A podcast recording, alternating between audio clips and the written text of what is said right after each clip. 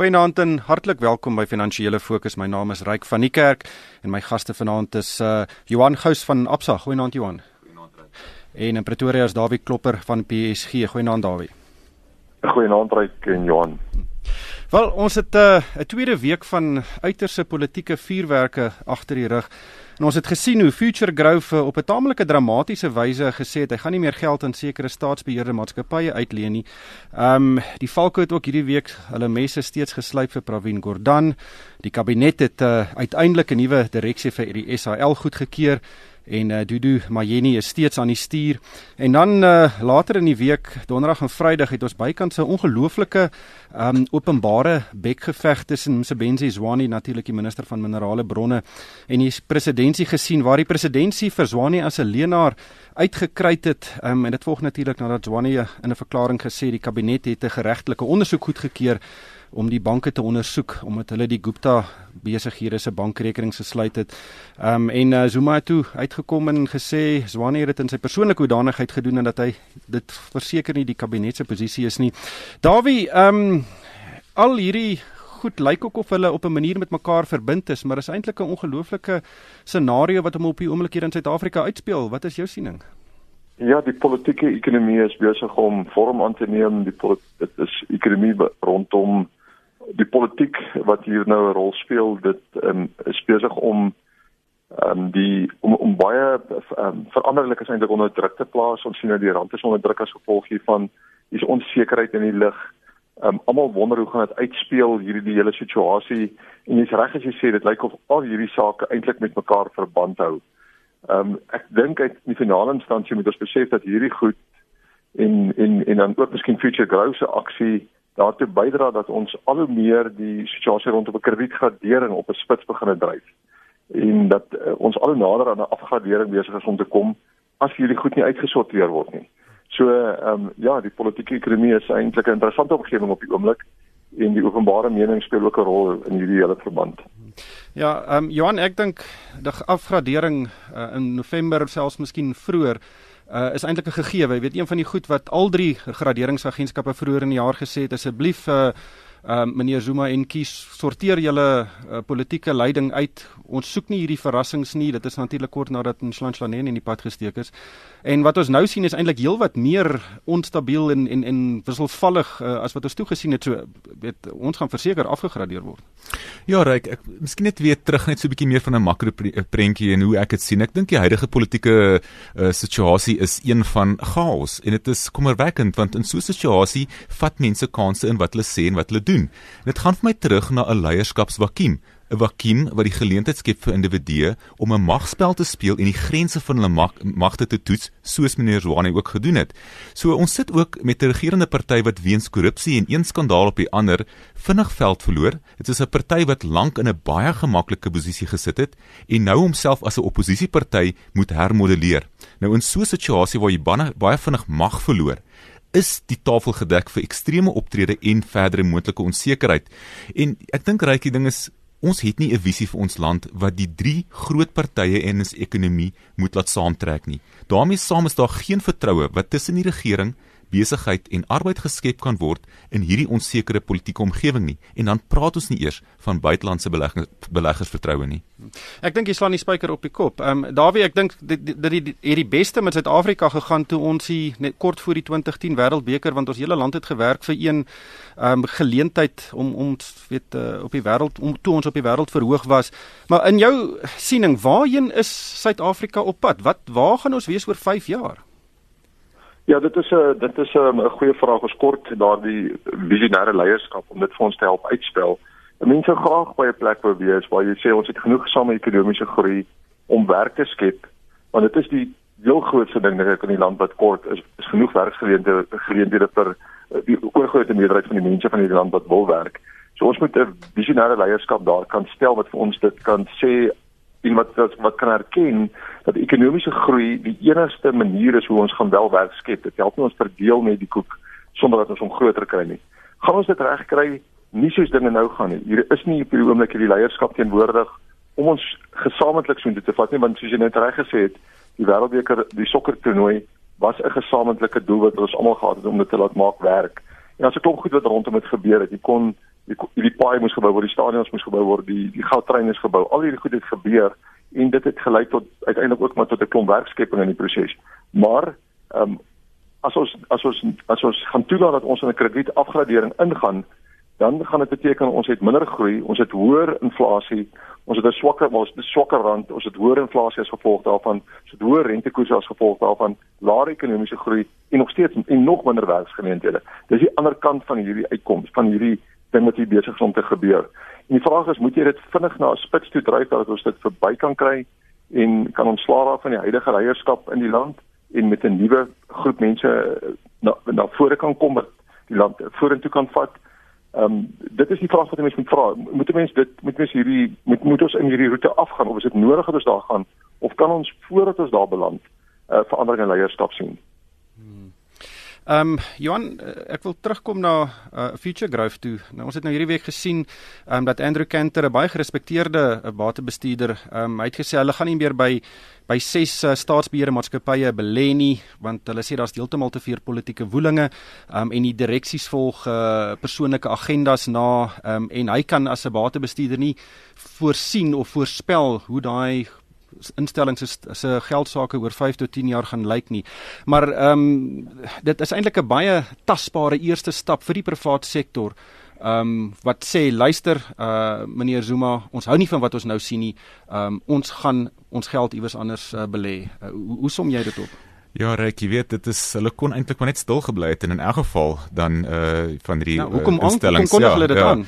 Ehm um, Jy weet, ek dink dit is dalk 'n geval hier gewees. Hulle het vir die keiser wat sonder klere is, het hulle eintlik uitgewys as naak. En en ek dink dit is miskien presies wat hier gebeur het. En die vraag is, wie gaan nou volg hier op en weet as as jou plaaslike instellings begin sê, wat gaan jou buitelandse instellings begin sê? Jy weet, so ek sien hierso eintlik hierdie as 'n vorm van aandeelhouers aktivisme. Ek dink nie dit is noodwendig politiek gedrewe nie.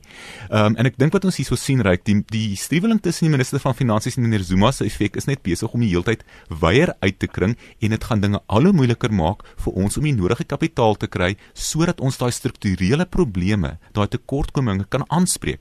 Want dit gaan nie help om net te kyk na die minister uh, van finansies of die die, die, die reservebank om te sê luister gaan ons dalk die rentekoerse nog laer kan hou of hoe lank gaan ons die rentekoerse laer hou nie.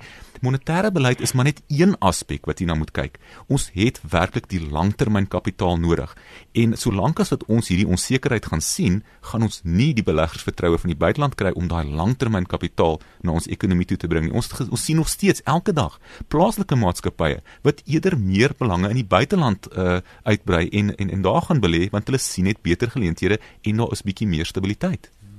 Davie, hoe lees jy hierdie future growth stap?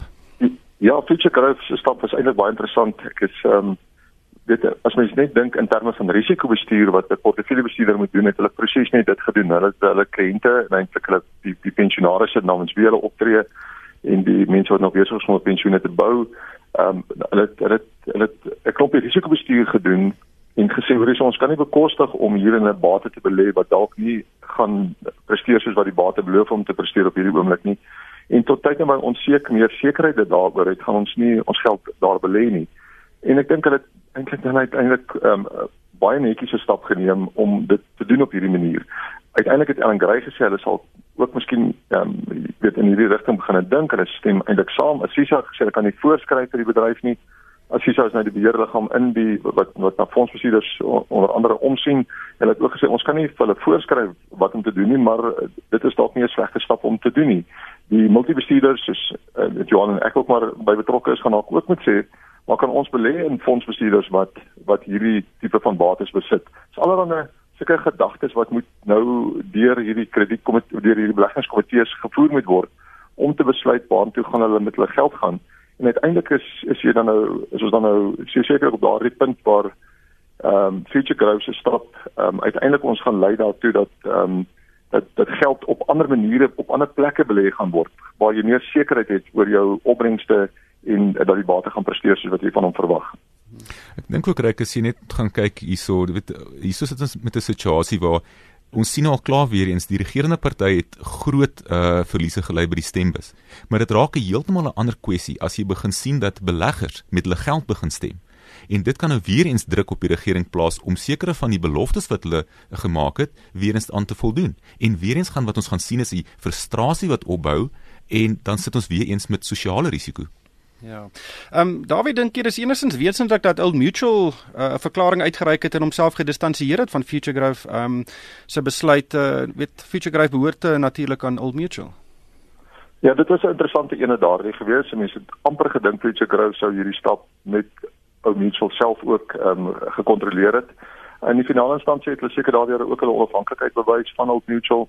Dan moet jy ook gesê maar oor is ons het nog nie heeltemal hieroor gedink nie. Ons stem nie noodwendig saam of stem ook nie noodwendig nie saam met hierdie stap wat geneem word nie. En ek dink as mens uiteindelik dit doen suiwer uit 'n beleggingsbesluit uit en sê maar daar is tog sekere risiko's hieraan verbonde dat ehm um, dat dat hierdie belegging nie gaan presteer soos hy veronderstel om te presteer nie, dan moet jy jouself miskien distansieer van daardie geleentheid wat wat homself voordoen en ek dink ehm um, Old Mutual sal dan ook op 'n stadium moet gaan sit en besluit wat hulle doen. En weer eens ehm um, die beleggingsbestuurders hou nie daarvan om dat daar vir hulle voorgeskryf moet word wat hulle moet doen nie. Maar ek dink dan nou net as jy goeie portefeuljebestuur doen en jy neem al hierdie feite in ag dan gaan jy dalk by dieselfde tipe van antwoord uitkom. Maar Johannes ook reg as hy sê hier kom sosiale druk in hierdie proses na vore. Hier's ander faktore wat ook nou uh, in spel is op hierdie stadium. Ehm um, dit maak dit eintlik net baie interessant en dryf hierdie hele ding van die gradering afgradering na punt toe dink ek. Maar Johan, wat beteken dit vir ons ekonomie wat ons op die oomblik sien?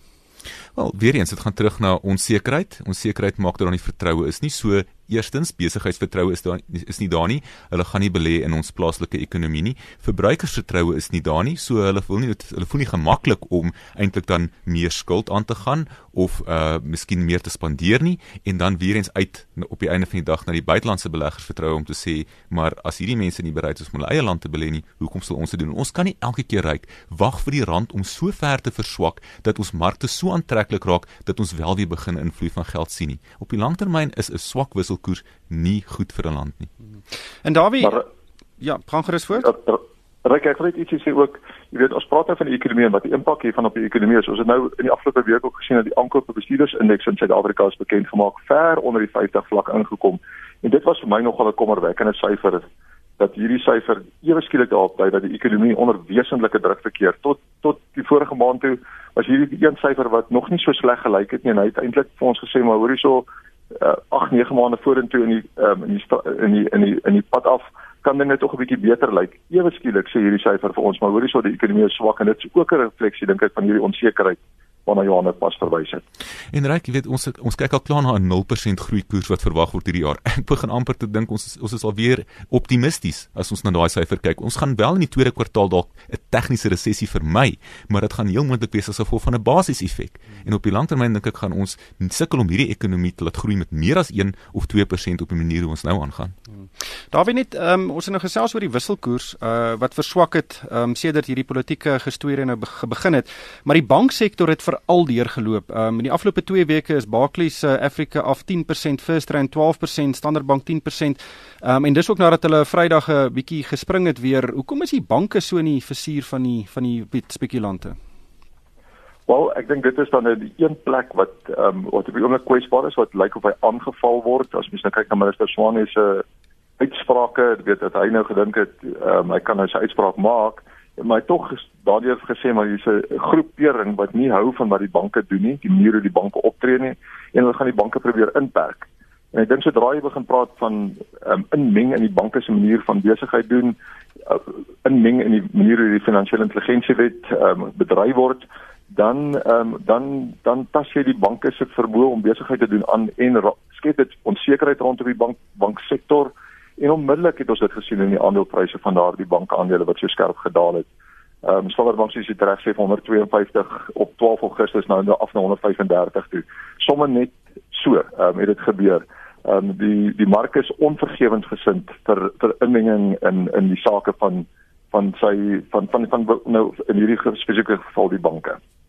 Ryk, weet as ons gaan kyk, die eerste onsekerheid wat ons gehad het vir die banke dalk benadeel het, is hierdie storie rondom die minister van finansies. En toe kry ons nou hierdie uh, kwessie van die ondersoek wat na die banke gedoen sal word. So albei van daai goed spreek eintlik vir my nou weer eens terug na die kredietgradering, want onthou, as ons 'n afgradering gaan kry, is dit sodat baie van die banke sit met groot hoeveelheid staatsskuldinstrumente op hulle balansstaat, so onmiddellik gaan die kwaliteit van daai instrumente op hulle balansstaat verswak en dan ook hulle balansstate dan verswak. Die feit dat hulle hoër rente gaan kry daarvoor maak nie saak nie. Die kwaliteit van die instrumente op hul balansstaat verswak en daarom het ons ook heel moontlik gesien dat daar hierdie uh, daling in hulle pryse was maar gelukkig het ons Vrydag die mark die banke baie goed sien terugkom en ons bankstelsel bly goed gereguleer die balansstate lyk goed en ons het al voorheen deur sterk finansiële krisisse gekom met hierdie industrie Die tyd al is in Madawi. Uh, ons het ook 'n uh, direksie vir uh, die SAL wat nou al vir 'n hele paar maande sonder eintlik enige leiding sit um, en daar was die geveg met die tesourie. Maar Dudu Mayeni hou steeds die leiersels vas. Uh, wat is jou indrukke van van die nuwe SAL direksie? Die dit is dit lyk of dit 'n tipe van 'n kompromis was of die tesourie moes 'n kompromie aangaan rondom die res van die direksie wat aangestel is. Die res van die direksie lyk na 'n groep swaargewig ehm um, ehm um, sake lei ehm um, wat vir Dudemayeni waarskynlik in toom sal kan hou en nie sal toelaat dat sy oor die res van die direksie sommer net loop in stoomroller nie. Die Dudemayeni is net vir 1 jaar aangestel wat daai ehm um, aanstelling gewoonlik vir 2 jaar geld. So dit lyk na 'n tipe van 'n kompromis waar ek dink tog die tesourier kan voel dat hulle het in hierdie proses uh, meer gewen as wat hulle dalk verloor het deurdat sy nog steeds die voorsitter van die direksie is. Baie dankie Dawie. Ongelukkig hierdie tyd ons ingehaal. Baie dankie aan Johan Gous van Absa Bate Konsultante en Dawie Klopper van PSG en van my ryk van die kerk. Dankie vir die saamluister en ek hoop almal het 'n winsgewende week.